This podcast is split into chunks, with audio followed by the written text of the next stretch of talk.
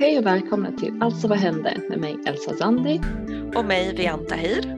Det här är en popkulturpodd som handlar om fantasy och sci-fi serier.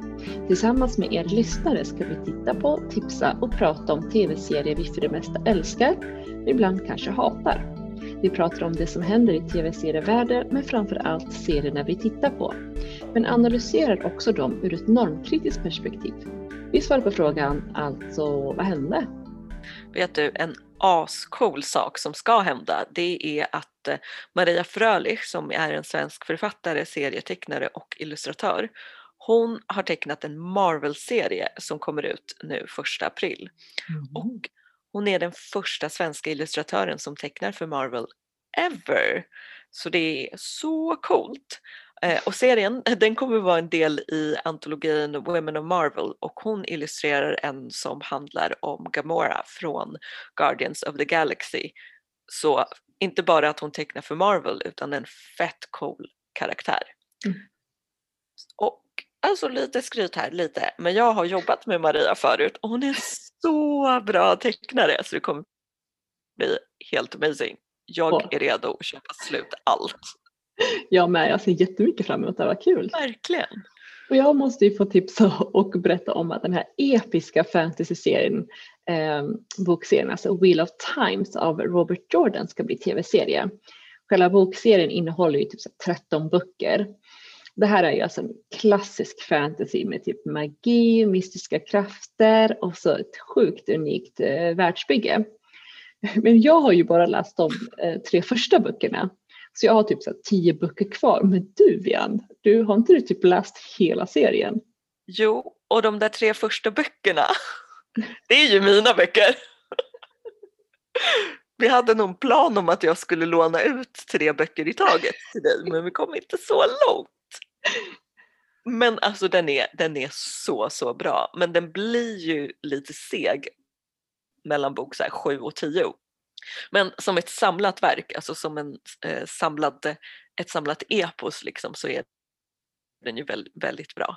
Och sen är det ju vår favorit Brandon, Brandon Sanderson som fick avsluta bokserien utifrån Jordans an, eh, anteckningar för att eh, han gick bort så då var någon tvungen att spökskriva. Så den är väldigt bra, verkligen. Mm, just det, han, han spökskrev ju där ja. Eh, men, men eh, om vi går tillbaka till själva tv-serien så ser det, ser det i alla fall just nu ut som att det blir, eller att den har fått i alla fall sex stycken avsnitt. Uh, men i mars 2020 så var de tvungna att pausa inspelningen på grund av pandemin såklart. Jag har i alla fall inte hört något mer om hur det ser ut i dagsläget. Uh, men castingen är rätt grym, uh, i alla fall mångfaldsmässigt. Um, den stora stjärnan är ju såklart Rosamund Pike Eh, hon ska ju spela den här grymma, nu ska vi se om jag uttalar rätt här, Moraine kanske? Jag skulle säga Moraine, ja. Jag skulle säga Moraine, ja vad bra, då säger vi Moraine tills vi ser hur TVC uttalar det. Ja. Eh, men hon Pike då, hon har ju varit med lite överallt. Hon har varit en Bondbrud, eh, Die Another Day, back in 2002. Hon har haft huvudrollen i den här psykologiska thrillern eh, Gone Girl. Hon har vunnit och nominerats till en massa prestigefyllda priser. Så hon har ju en lång karriär bakom sig så det är ganska skönt att de, har liksom, de, de verkligen satsar så att säga. Mm. Eh, men sen har vi en annan relativt, eh, också en annan relativt känd skådis eh, och han har rötter i Sydkorea. Japp, det hörde rätt. uh, han heter Daniel Henney om jag uttalar hans efternamn rätt. Men han har ju faktiskt varit med i K-dramas, i X-Men Originals eh, Wolverine. Men jag personligen älskar honom från Criminal Minds-serien. Ja, alltså jag vet vilket K-dramas det är han har varit med i, men jag har inte sett dem för att de är eh, lite före min tid, de är från mitten av 2000-talet och då hade jag inte riktigt upptäckt K-dramas än. Uh, ja, vad kul. Vi får se, du kanske, när du får se honom här så kanske du bara, jag måste hoppa på de där K-dramas med honom. han är inte lika känd men han är som sagt, du hör ju, han är ingen rookie precis. Mm. Han, ska, han har fått rollen som, nu ska vi se, Lan Mandragoran. Mandragoran kanske? Lan Mandra, ja. Mandragoran? Mandragoran, ja mm. Mandragoran, ja Lan Mandragoran. Vi får som sagt se. Vi får se tv-serier. Exakt.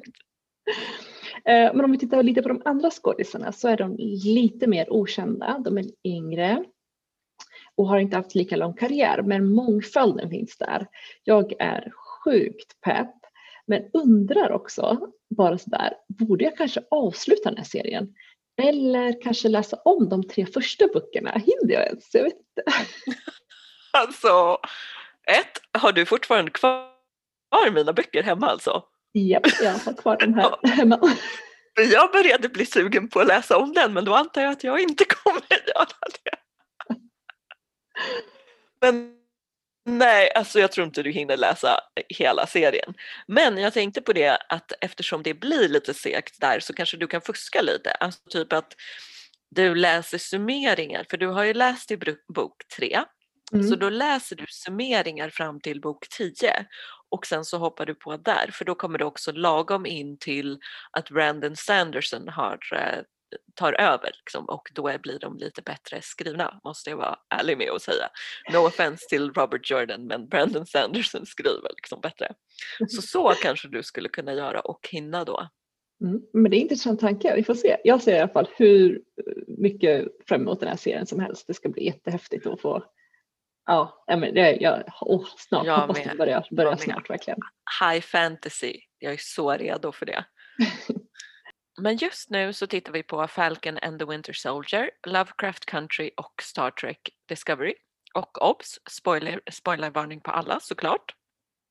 Men ni fick ju rösta på om vi skulle säga The Falcon and the Winter Soldier eller bara Falcon and the Winter Soldier.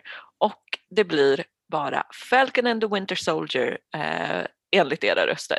Och det är ju långt nog. och apropå Falcon and the Winter Soldier så har vi ju sett eh, andra avsnittet nu. Okej okay, Diane, alltså vad hände? Sam och Bucky hände. Det är nu de kommer. Bucky letar liksom upp Sam direkt, eh, eller i alla fall snabbt som fan och skäller ut honom lite för det här med skölden. Men Sam vill inte lyssna och säger att han har liksom inte tid för han ska iväg på ett uppdrag. Så Bucky hakar på uppdraget för att han ska få lite mer tid att skälla på Sam. Och det är så deras witty banter börjar. Under det här uppdraget då eh, så, är det vi, så får vi träffa Flag Smashers nu ordentligt Eh, det var ju de vi misstänkte skulle vara Big Bad men det verkar som att de snarare är Medium Bad. Men de är då ett gäng med Super Soldiers och de har snott en last med vad Sam och Bucky tror är vapen. Senare i avsnittet så får vi veta att det faktiskt var vaccin. Men Sam och Bucky försöker stoppa dem då genom att hoppa på lastbilen eh, eh, och eh, lastbilen åker iväg. Det är en fight som bryter ut. Det går sådär för dem och så dyker Walmart Cap upp. Vänta vad sa du? Sa du Walmart Cap? Ja. jag, jag går runt och säger fake cap. Walmart cap, berätta. Vadå Walmart cap? jo, alltså jag har en tv-app som heter TV Time som jag håller på, reda på mina serier med. Liksom. Så man klickar i vilka serier man kollar på och sådär.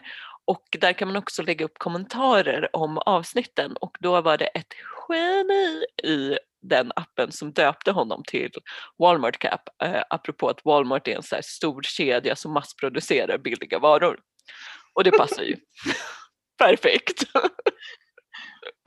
ja, så han då, Walmart Cap, dyker upp och eh, ska hålla på att rädda dem. Men det går också sådär för honom. Så alla får stryk. Sen försöker ju Walmart Cap då få Sam och Bucky att samarbeta med honom och hans sidekick Battlestar och Bucky is not having it. Alltså redan från start, han bara nej.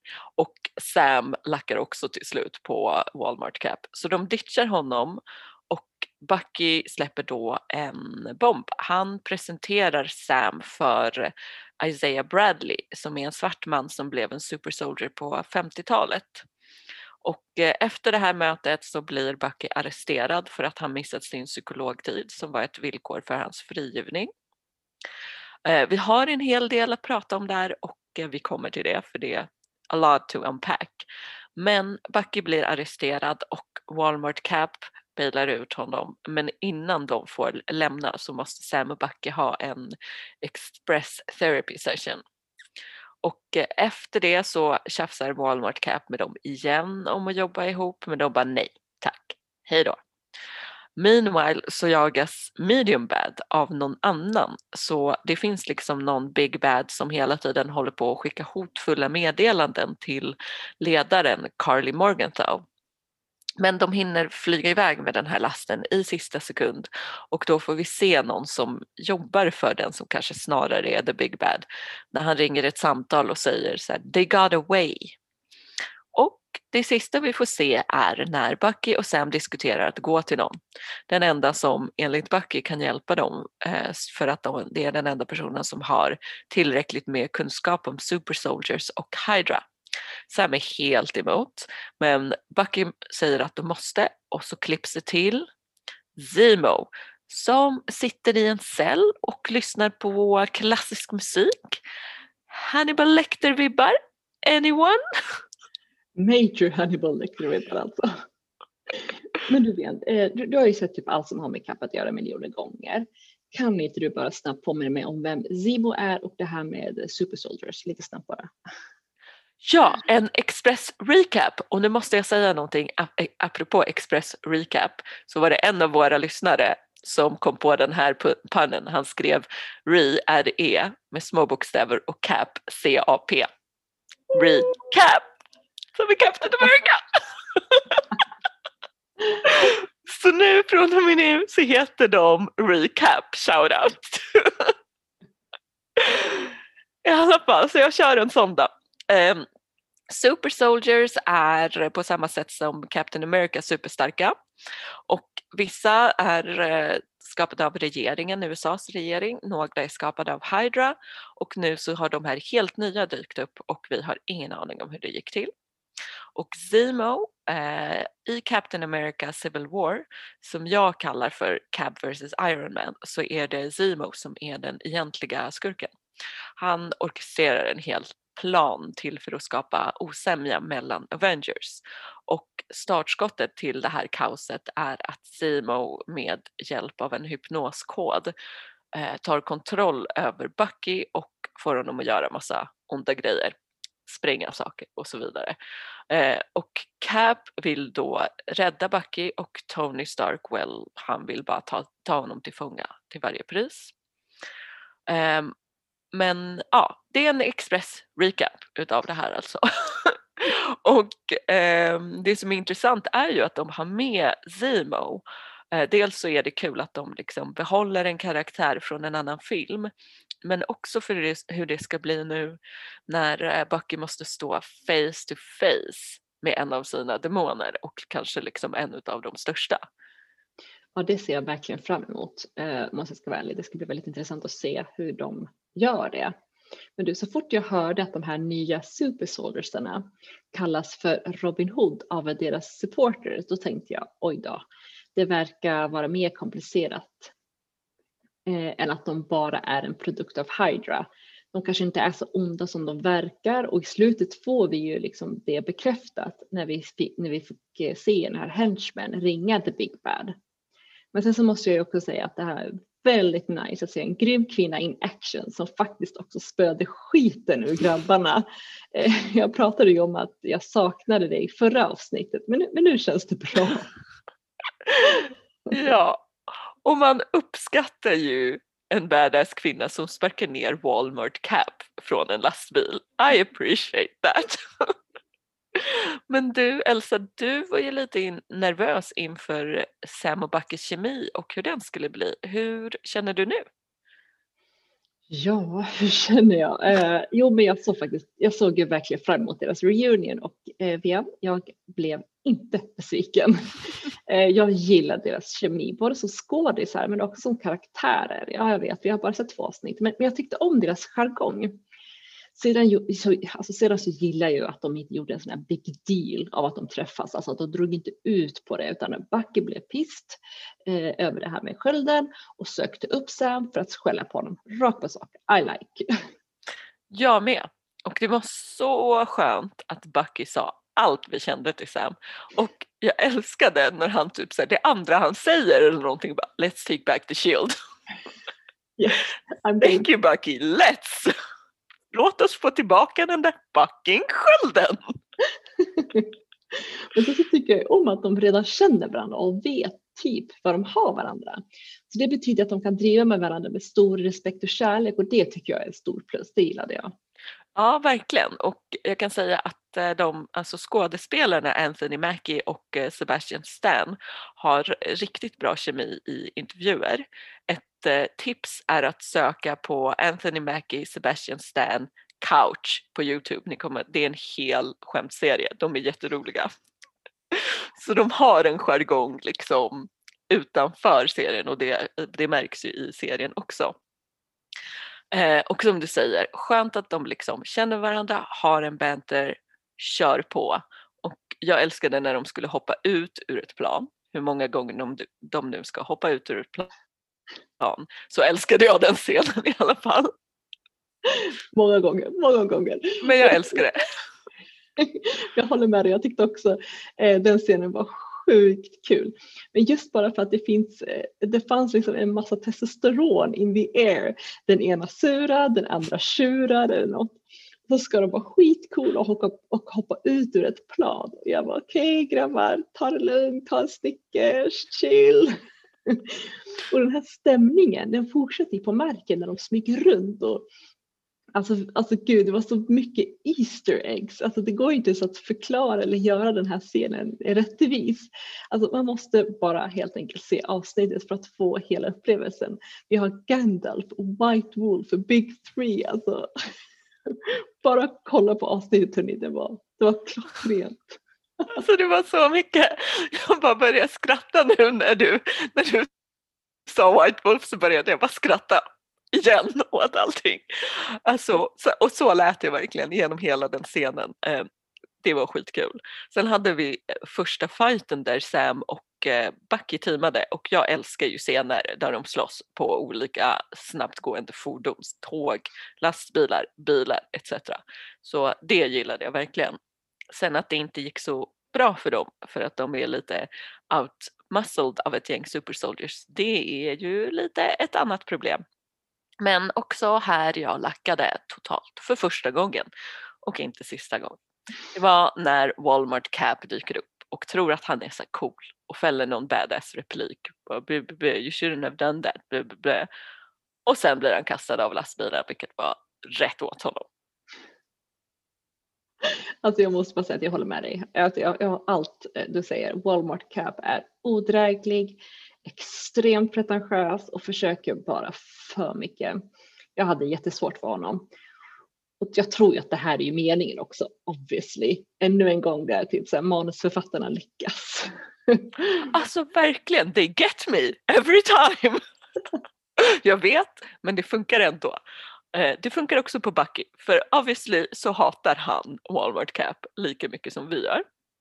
Och jag älskar hans mode när de liksom eh, efter den här fighten så försöker ju Walmart Cap och eh, hans sidekick Battles, eh, Battlestar typ eh, bli kompisar med dem eller bara prata med dem överhuvudtaget och försöker så här, ja ah, men ni kanske ska joina oss eller något. Och, och Bucky bara no. Punkt. Ja, jag vet inte, alltså det, jag tycker det är skit. Den scenen var också så här jättebra, man måste bara se den för att förstå. Eh, men du, jag måste fråga, jag vet inte hur, men, men, hur känner du inför den här sidekicken?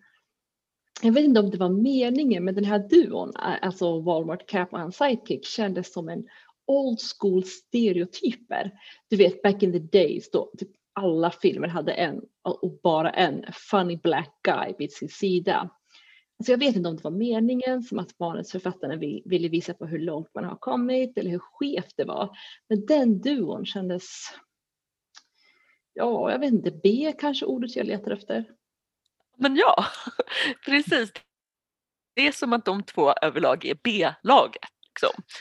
Eh, och jag hoppas att det är meningen att han ska vara en sån stereotyp och att de inte liksom klantigt okunnigt har råkat göra en sån stereotyp. Men om man sätter det i sammanhanget av hur de gjort i resten av serien så borde det ju vara så att det är en poäng i det. Men det är nu Bucky släpper den här bomben då om att det finns en till super soldier som de åker för att träffa i Baltimore, Isaiah Bradley. Ehm, ett sidospår här det är att vi också får träffa på hans barnbarn Eli Bradley och det kan man ju komma ihåg, remember that name, inför framtida Marvel-projekt. I alla fall så får vi då höra eh, Isaias historia och det är att han var en okänd amerikansk hjälte som slogs mot och gav Bucky stryk när Bucky var Hydra-agent. Och eh, Isaiah påpekar då att till skillnad från hur Captain America blev liksom firad med pompa och ståt så fick Isaiah efter att hans uppdrag var klart eh, så sattes han i fängelse och eh, regeringen utförde tester på honom i 30 år. Och eh, det, det här är en viktig poäng som görs om hur man behandlade en svart hjälte jämfört med en vit. Eh, också speciellt för att sen när de lämnat huset som, så kommer den här scenen då som var en spark right in the gut. Mm. Ja, det var, det var verkligen en spark för man var ju helt uppe i super soldiers, hydra, superhjältegrejer och så kom det här. Ja.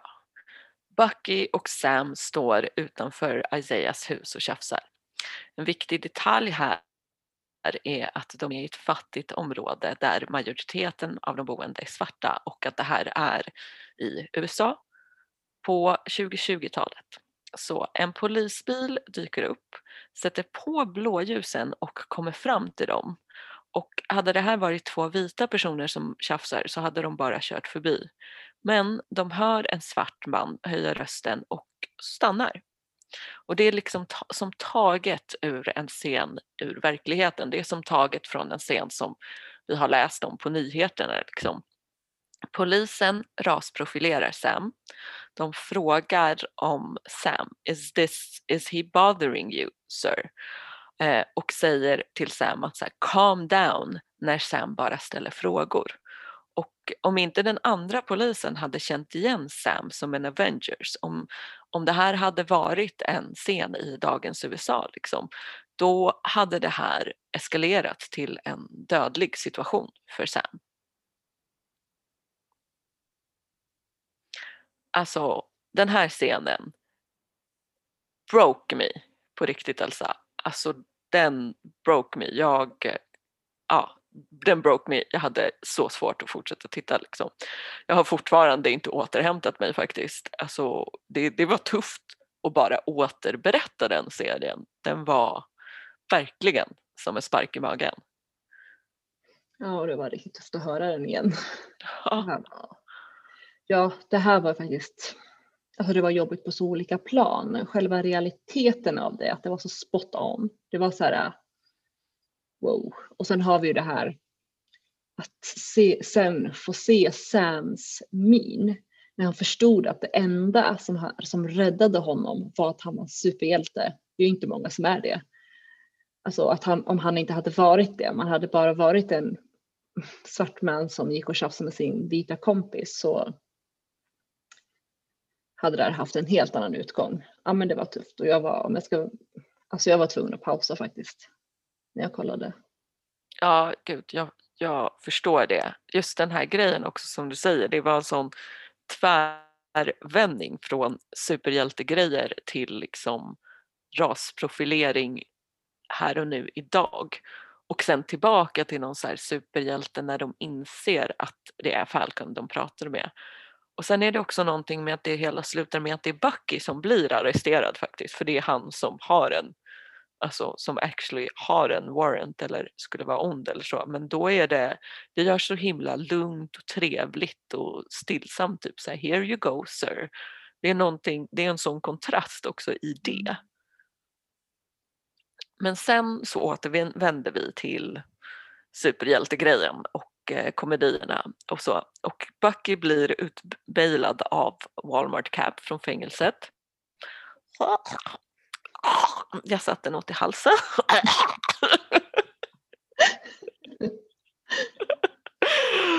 ja, jag satte Walmart Cap i halsen, det är det. I've had enough.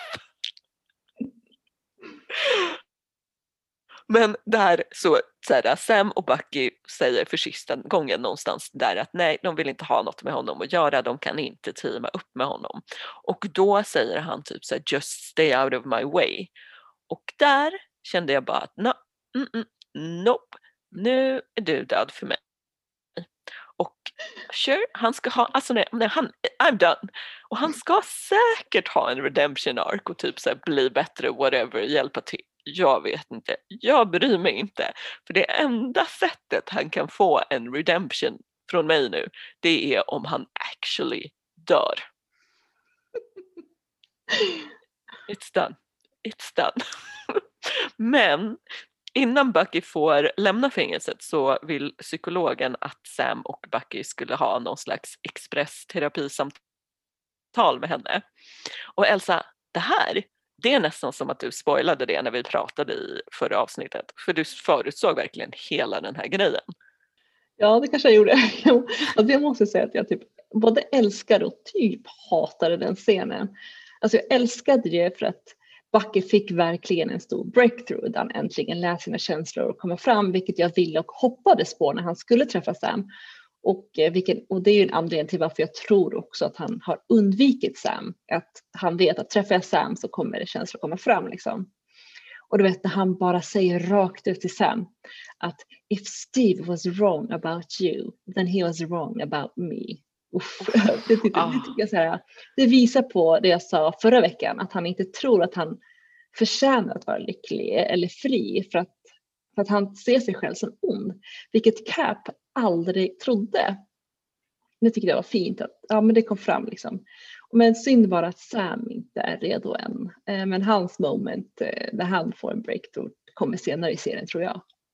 Ja, och här om jag ska försöka gissa mig till eller förutspå någonting så tror jag att för Sam så handlar det här om att han inte vill wield the shield om hans oro för rasistisk backlash. För tittar man tillbaka på det som händer innan i avsnittet och eh, hur man får veta hur Isaiah behandlades men också hur polisen rasprofilerade Sam som redan är en Avenger. Liksom. Eh, så känns det som att de bygger en röd tråd kring det här med eh, den rasistiska backlashen som han är orolig för. Och han säger faktiskt till Bucky att du och Steve, det här är någonting som varken du eller Steve kan förstå. Just det, det sa ni. Och så tänkte jag på den här röda tråden. Jag undrar eh, om de så här, om manusförfattarna och hela teamet, alltså om de verkligen är insatta och vill uppmärksamma det som händer och har hänt i USA de här senaste åren. Eller om de har den här röda tråden de, tråden de bygger upp bara för show. Ja, alltså det här är väl, det är en intressant fråga men det här kanske också till och med knäckfrågan i vad vi kommer tycka om serien så här i efterhand. Eh, men om man tittar på de som jobbat med den så Kari Skoglund eh, är regissör och har regisserat The Handmaidens Tale. Så det kanske ger någon slags hint om att eh, någon slags medvetenhet. Sen skribenten Malcolm Spellman, han har inte något som sticker ut för just det här sammanhanget. Men ja, vi får helt enkelt se vad som händer med den här röda tråden och eh, var det tar vägen framöver. Nu är jag ju sjukt nyfiken på att höra om du har hunnit se mer av din hemläxa Lovecraft Country. Hur går det?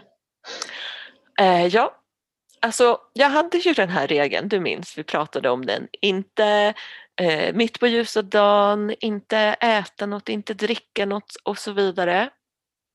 Grejen är, jag var hungrig, okej? Okay? Och det kändes som att det skulle gå bra att äta till det här avsnittet. Oh, nej. Mm. Så där satt jag och åt. Och sen, alltså sån tur ändå, måste jag säga. Men jag tar sista tuggan, ställer ifrån mig tallriken och då, det, det, här är liksom, det är en liten detalj, jag vet inte hur länge det var sedan du såg det, så jag vet inte om du minns. Men den här blonda tjejen i det här hemska slottet där de hade för sig en massa onda grejer.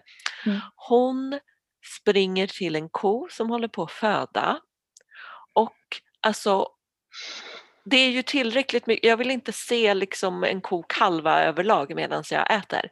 Men som om det inte vore nog så föder hon ett av de där vidriga, vidriga monstren.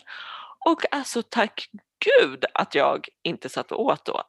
Oh, kommer du ihåg det Elsa? Ja, då, jag kommer ihåg det så väl. Och jag, alltså nej Björn, du ska ät aldrig när du tittar på det här. Ever! Alltså nej. Ja, ah, nej, nej. Jag har lärt mig min läxa. Jag, eh, jag får gå hungrig istället i så fall för att gud, nej, jag tänker inte. Um, men det här avsnittet, det var ju, alltså det är lite samma, det är ju fortfarande samma spår. Det är egentligen människorna som har onda grejer för sig. Men det var lite mer, det var en annan sorts supernaturligt tycker jag. Alltså mm. förra avsnittet var ju monster, i det här så var det någon slags mer magi och mm. eh, trollformler och så. Och då visade det sig att de här monstren, ja, det kan man ju säga, anledningen till att deras kor föder äckliga monster är för att de tydligen har dem som vakthundar. Så det är ju mm. mysigt. I alla fall eh, så var det ju alltså den här uh, pappan då, eller ägaren till huset, som har någon slags hemligt sällskap och pratar om så här, uh, blodsarv och renhet och Adam och Eva. Det var väldigt dåliga vibbar, väldigt mycket World War II inte den schyssta sidan. Liksom. Det var väldigt mycket så att så här, ah, du är inne på någon slags nazistteorier här kände jag. Nazistmagiska teorier till och med. Ja. Väldigt specifik genre. Det var väldigt smalt ja. Eh, alltså, jag måste bara, intressant att du säger det. För det här berättade inte jag i förra avsnittet. Det, och det är att Lovecraft, den här Lovecraft Country är baserad på författaren, skräckförfattaren Lovecrafts olika noveller. Eh, han är alltså en klassiker, 1800-talet pratar vi nu. Den här Lovecraft eh, var en riktig jäkla douche. Alltså han var ju rasist. Eh, alltså han var ju rasist. Det är det, nazist till och med också. Eh, alltså det skulle, ja han var liksom bad bad. Och i den här Alltså i den här tiden, det, det, var ju också, i den här tiden så var det också, jag vill inte säga normalt, men det var mer okej okay eller förståeligt att man tänker liksom att um, Normaliserat typ kanske? Tack, så det är ordet jag letade Det var ju normaliserat att tänka att den här, att den vita rasen är bättre än alla andra raser och att man har den mentaliteten. Men Lovecraft var ju även bland sina jämlikar eller någonting vad ska säga extrem. Så han var ju liksom extrem extrem. Även... Han var extrem bland extremer. Exakt, så han är ju riktigt, riktigt så här äh, obehaglig typ med extremt obehagliga eh, mentalitet och tankar. Så, och sen nu så här, fast forward 200 år in i framtiden och att man använder då hans, för, han, för det som gör honom stor är att han är ganska han var i framkant när det kommer till den här genren då. Eh, så han skapade ju någonting som många eh, rent stilistiskt, alltså många författare, skräckförfattare kan liksom ändå hylla för att rent så. Eh, men eh, alltså det var ja, nej, han, han, det känns så himla skönt måste jag säga att man, nu när vi är här, Lovecraft Country, du tittar på en tv-serie som är baserad på nästan alla hans noveller.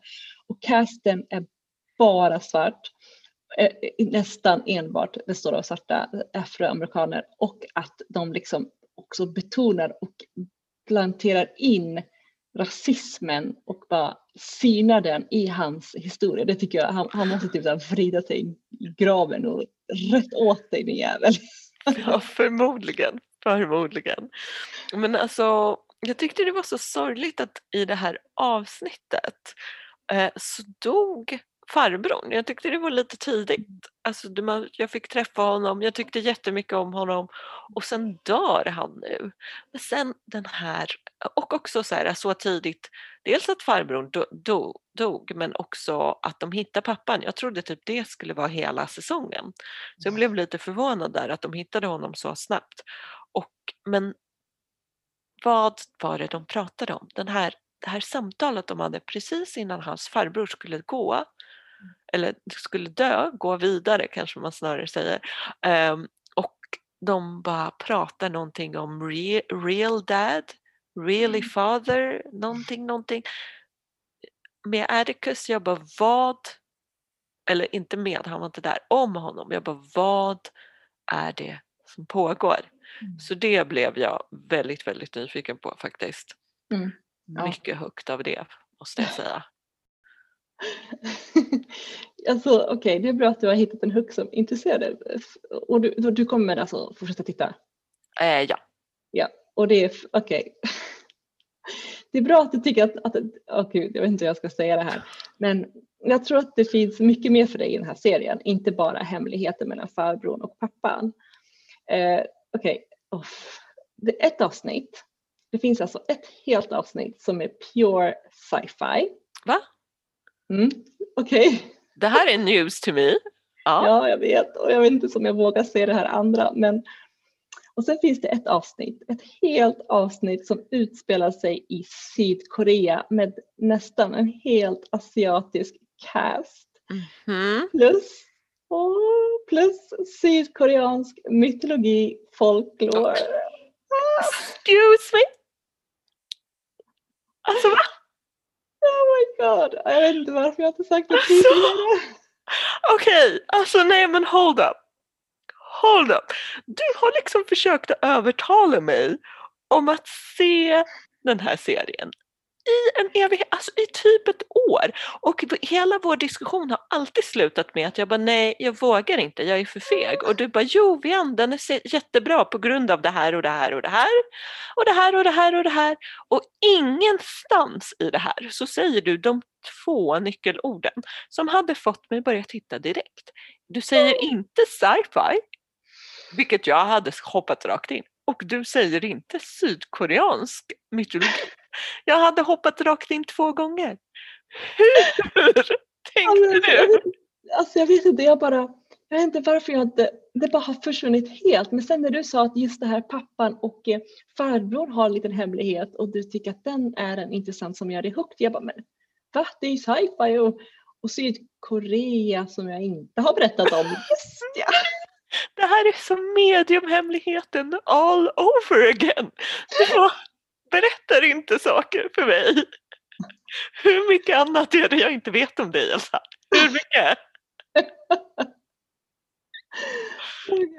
Men nu har du i alla fall ännu mer hooks eh, så nu kommer du få titta, eller hur? Ja, ja jag kommer titta. Och förresten, innan, innan, jag har ju lovat att varna dig också att um, du har tittat på andra avsnittet, du är på tredje avsnittet du eller hur? Mm. Ja, och det är spöken. Avsnitt tre är mycket spöken, så du vet. Åh nej. Ja, jag vet. Åh nej. Jag vet att du inte gillar spöken. Ja, mitt på ljuset. Vet du? Mm. Om, om det är så, så här, om jag messar dig och bara tja tja, ja, men jag ska kolla på serien nu och klockan är ett säger vi. Mm. Om någon klackar, knackar på din dörr vid så här, fyra, fem, då är det jag och Kitsu där utanför. Det är bara så här, släppa in oss, bädda för oss, ta hand om oss i två dagar för jag kommer inte kunna sova själv. Jag lovar. You're just gonna have to deal with it. Lovar, Sätt upp ett så här, uh, isoleringsrum till mig, coronasäkert. Mm. Släpp in mig genom baksidan, jag vill bara inte sova ensam. Jag vet, jag vet, jag lovar, jag lovar. Mm. Mm. Eller vi kan köra coronavarianten utav det här, jag ringer upp dig på zoom. Och du får natta mig. Okej, okay, vi kanske kan titta tillsammans till och med så att det inte blir lika läskigt. Ja, kanske, kanske. Okej, okay, ja men jag säger till dig, jag ska kolla. I will power through för att jag har hört ett rykte någonstans mm. om att det är sci-fi och sydkoreansk mm. folklore i den här serien.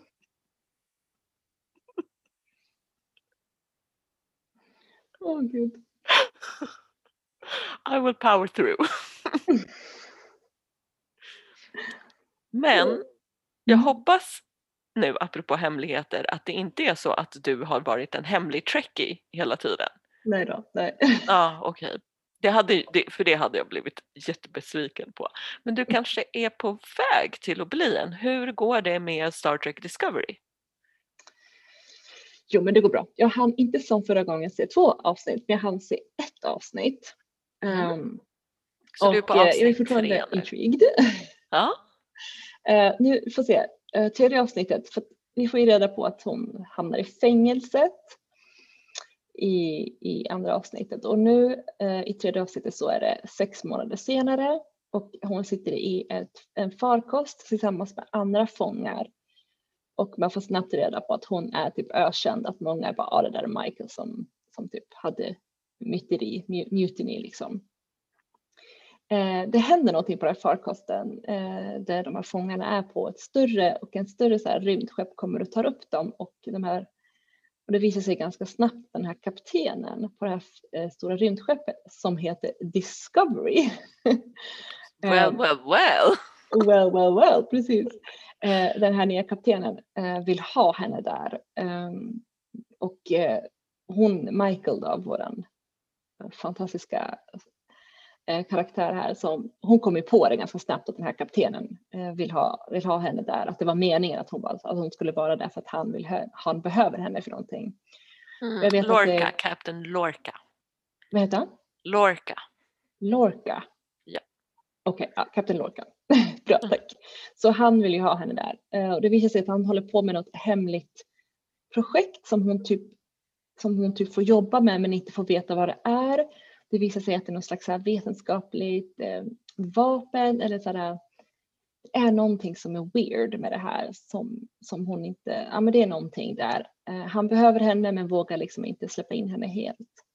Sen visar det sig att det finns ett systerrymdskepp som håller på med samma vetenskapliga forskning. Och det har, det har blivit en olycka. De måste gå in och hämta resultaten, lite grejer. Michael måste såklart följa med.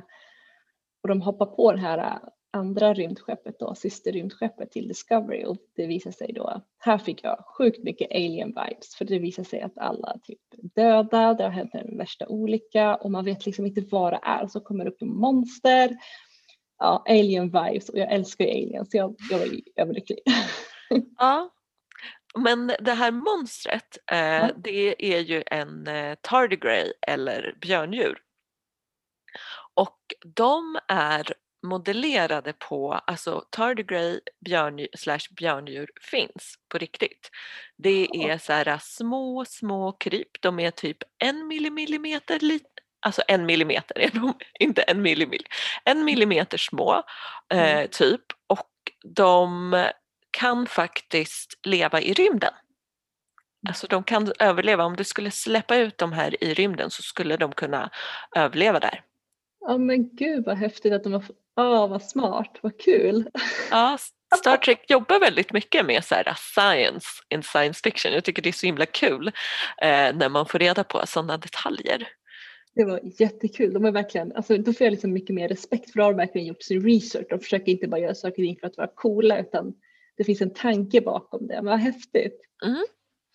Eh, ja men vad tycker jag? Jo men jag tycker det här var bra. Jag tycker det, det jag tycker är så himla intressant för att nu när Michael hamnar på den här Discovery så träffar hon ju på två stycken av hennes före detta kollegor som då hatar henne. Hela, hela, hela besättningen på Discovery hatar henne typ för att hon, som hennes myteri ledde ju till att kaptenen, hennes kapten dog och inte bara hon utan många, många dog. Alltså det är fruktansvärt och hon tar det, hon, hon, ja, alltså hon, hon vill liksom sitta i fängelset för att hon tycker att hon förtjänar det. Och jag tycker det och så hamnar hon på Discovery och den här kaptenen då vill ha kvar henne, Lorca vill ha kvar henne och hon tvekar ju, det tyckte jag var intressant. Hon bara, nej men jag, jag vill inte vara med i det här experimentet, det här vetenskapliga hemliga experimentet mm. vad det nu håller på med. Jag har gjort någonting eh, hemskt, jag förtjänar att sitta inne, men hon kan ju inte säga nej. Hon är ju den hon är. Hon är nyfiken och smart och eh, så hon, hon, hon tackar ja. Och jag tycker det är så intressant är att i Discovery så vad heter han som, som, det, som eh, från hennes förra eh, besättning? Saru. Ja, var, ja precis, Taru. Och han, Saru. Okej, okay, Taru, heter han så? Saru. Saru. S. Saru. Ja, okej. Okay. Saru. Ja, jag, lär, jag, jag, lär mig, jag lär mig. Han i alla fall. Eh, han i alla fall. Eh, jag, jag, jag gillade att han liksom, han ser hennes greatness. Han ser att hon är smart, han ser att, han, att hon är bra, men att hon hon gjorde ett val som, var, som man inte kan respektera och han vill få bort henne ur Discovery. Jag bara, så fort du är klar med det här så vill jag att du ska gå härifrån. Och hon lovar honom, jag, bara, jag, ska, jag ska bort. Och så, och så blir hon ju kvar ändå. Jag är så himla nyfiken. Jag tycker så synd om honom. Det känns som att han får så panikattack bara och hon är i närheten av ja. honom. Ja, det är som att, så här, som att vara stora syskon och en så här skitunge till lilla syskon som bara, bara är trubbel så fort de dyker upp. Och man bara nej, nej. Ja men det är exakt så, han får inte så och så här. Eh, och, jag, jag, och, och det, om jag ska vara ärlig så är det just de här relationerna som gör att jag vill titta. Jag vill veta hur Michael, liksom, alla hatar henne mer eller mindre. Alla vill, liksom, ingen vill, alltså, ja, men jag är så nyfiken på hur relationerna kommer funka. Hur kommer hon liksom utvecklas? Hur kommer, de andra, hur kommer relationerna med de andra utvecklas? Jag tycker det Ja, ja, jag tycker det är väldigt spännande och sen är jag lite osäker på vad kapten Lorca sa. Han verkar lite shady. Jag vet inte. Jag vet inte vad jag tycker om honom. Jag, så här, jag, jag, jag tycker han är shady. Jag vet inte. Jag tycker han är lite skum. Ja, alltså. Jag kommer ihåg när jag först såg honom eh, så var jag också sådär, jag bara antingen så gillar jag dig väldigt mycket eller I'm gonna wanna kill you. Det var, det var såhär antingen eller. Det var ingen så här mellanläge mellan dem och jag kände precis som du den. Jag bara det är någonting men jag vet inte vad. Mm. Ja, det, ska bli, det är det också. Då vill jag ju veta vad är det med honom och, och sen som sagt alla relationer. Det, det lockar mig, just nu lockar det mig mer än det här hemliga vetenskapliga. Jag tror det är väl någon slags vapen de gör. Eh, så jag, jag, jag, tycker att ja, relationerna och hur det ska utveckla sig är jag mer intresserad av än själva Ja, det ska, ja, jag vill titta vidare. Så du kommer titta vidare. Jag kan säga att det blir väldigt mycket, alltså det är väldigt intressant eh, relationsutveckling. Så om du är ute efter det så ska du absolut fortsätta titta. Om du är ute efter spännande science space så ska du också fortsätta titta. Den har allt. Ja, jag ska i alla fall titta, absolut, absolut. Jag, ska, jag måste veta. Jag måste veta vad det är, vad det är för vapen men också hur, hur alla ska reagera nu när hon, ska, när hon är kvar på Discovery.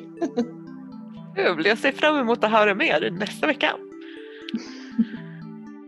Kommer vi än behöva godnattvisor på Zoom? Kommer Elsa få en ny BFF i rymden? Och när kommer Bucky punch Walmart Cap in the face åt oss? Vad tycker ni om Walmart Cap? Hör gärna av er på Instagram, Facebook och Twitter där vi självklart heter att Alltså vad hände? Du har lyssnat på Alltså vad hände med mig Elsa Zandi och mig Vianta Hir. Vi hörs nästa tisdag när vi pratar vidare om Falcon and the Winter Soldier, Lovecraft Country och Star Trek Discovery.